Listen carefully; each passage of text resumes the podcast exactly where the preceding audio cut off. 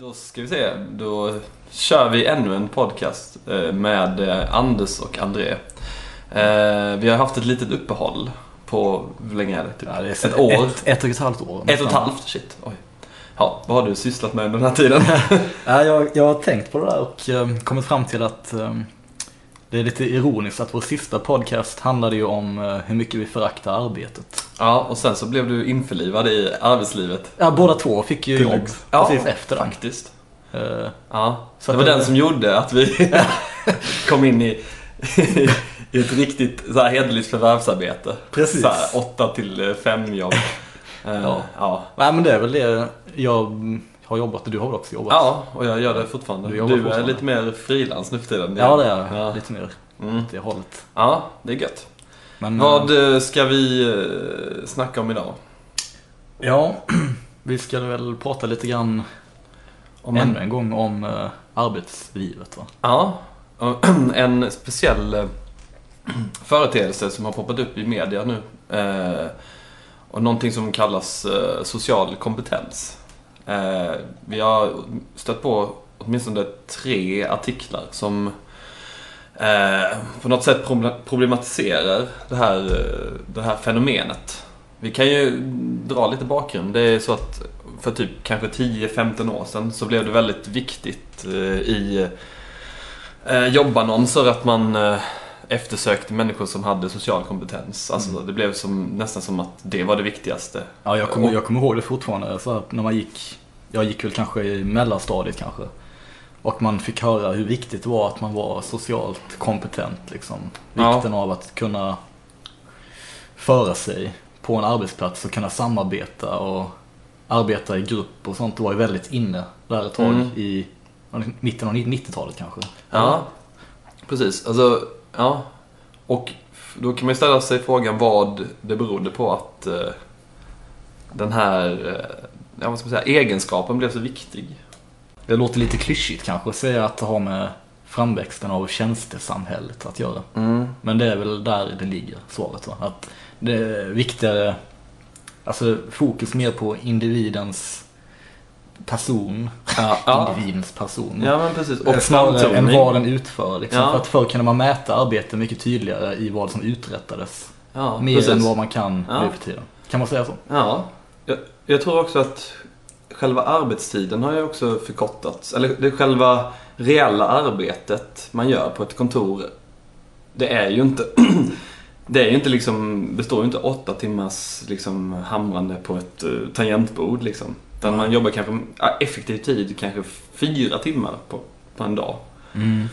Och då måste man ju, för att alltså det finns ju kanske inte mm, så mycket uppgifter att göra, alltså rent funktionella uppgifter. Så därför måste man fylla de här andra timmarna med eh, sak- fika. fika och saker, ja, men saker som, som då hamnar under begreppet social kompetens eller socialt ja, utförande så att säga. Mm. Jag tror det, för att eh, bonden som plöjde sin åker 12 timmar om dagen hade ju fan inte tid att stå och babbla om vad ska jag köpa för Macbook härnäst liksom. Nej, exakt. Så, Nej, ja det kanske kan ligga något i det. Eller? mm, I vilket fall som helst är det en väldigt viktig egenskap att ha nu för Ja. tiden. Alltså man ska, vara, man ska kunna sälja sig själv liksom, ja. på något sätt. Men Eh, i alla fall då så har det nu då under senaste tiden kommit fram eller skrivits kritiska artiklar om social kompetens och eh, det tycker vi båda är bra. Mm. Eftersom den här företeelsen har ju väldigt länge fått gå okritiserad, alltså ohotad. Man har liksom tagit det som ett obestridligt faktum att man måste ha den här egenskapen och Ja. det farliga med det är ju att eh, den exkluderar ju människor som inte känner sig bekväma i sociala situationer. ja, det gör det. Definitivt. Och det jag ja, skulle säga innan det blev fel i inspelningen eh, är att eh, i alla fall i mitt eget fall när man eh, söker ett jobb eller har sökt ett jobb så är ju då är man ju alltid i regel övertygad om att man kan utföra själva jobbet som sådant. Mm. Ja. Men man är alltid nervös och den nervositeten ligger ju eh, oftast, jag tror den gör det för många människor, i huruvida man lever upp till den person man förväntas vara i en arbetssituation. Om det så Ja. bara är en intervjusituation. Ja. För att jag tror de flesta människor kan ju utföra de jobb som de söker. Eh, Så det är inte man söker något otroligt. Nej, liksom. precis. Läkare. man kompetens, liksom- ja. Men ofta är det själva den sociala biten tror jag som folk är nervösa över när det gäller intervjuer. Ja. Nej, för, för min del känns det som att det är någon form av slags blyghet liksom. Och eh, en av... Eh, det finns en finsk professor i psykologi som heter Lisa Keltikangas Järvinen som är eh, då citerad i en av de här artiklarna. Som, I Jusek-tidningen. Ja, exakt. Men hon är även citerad i eh, DN. I en artikel av Erik Helmersson som heter Hellre kompetent än social. Men hon säger i alla fall att eh, blyghet är ett tecken på empati. För att en blyg människa har liksom en större empatisk förmåga och det är därför då hon är tyst. Liksom. Men, medan en översocial person inte alltid känner när folk är trötta på en eller så. så Mm. att, och det är ju skadligt för en arbetssituation. Om eh, en människa tar upp social plats liksom i onödan. Bara för sakens skull. Ja, precis. Det finns ju någonting tycker jag i själva begreppet social kompetens egentligen. Som reducerar det just till ett verktyg. Alltså Mm. som om det är ja, någonting man kan lägga sig till med. Eller öva upp och så vidare. Ja det är det i och för sig kanske till viss mån men alltså att man kallar det just en typ av kompetens. Mm. Det att reducera mänskliga relationer på något sätt, är det inte det?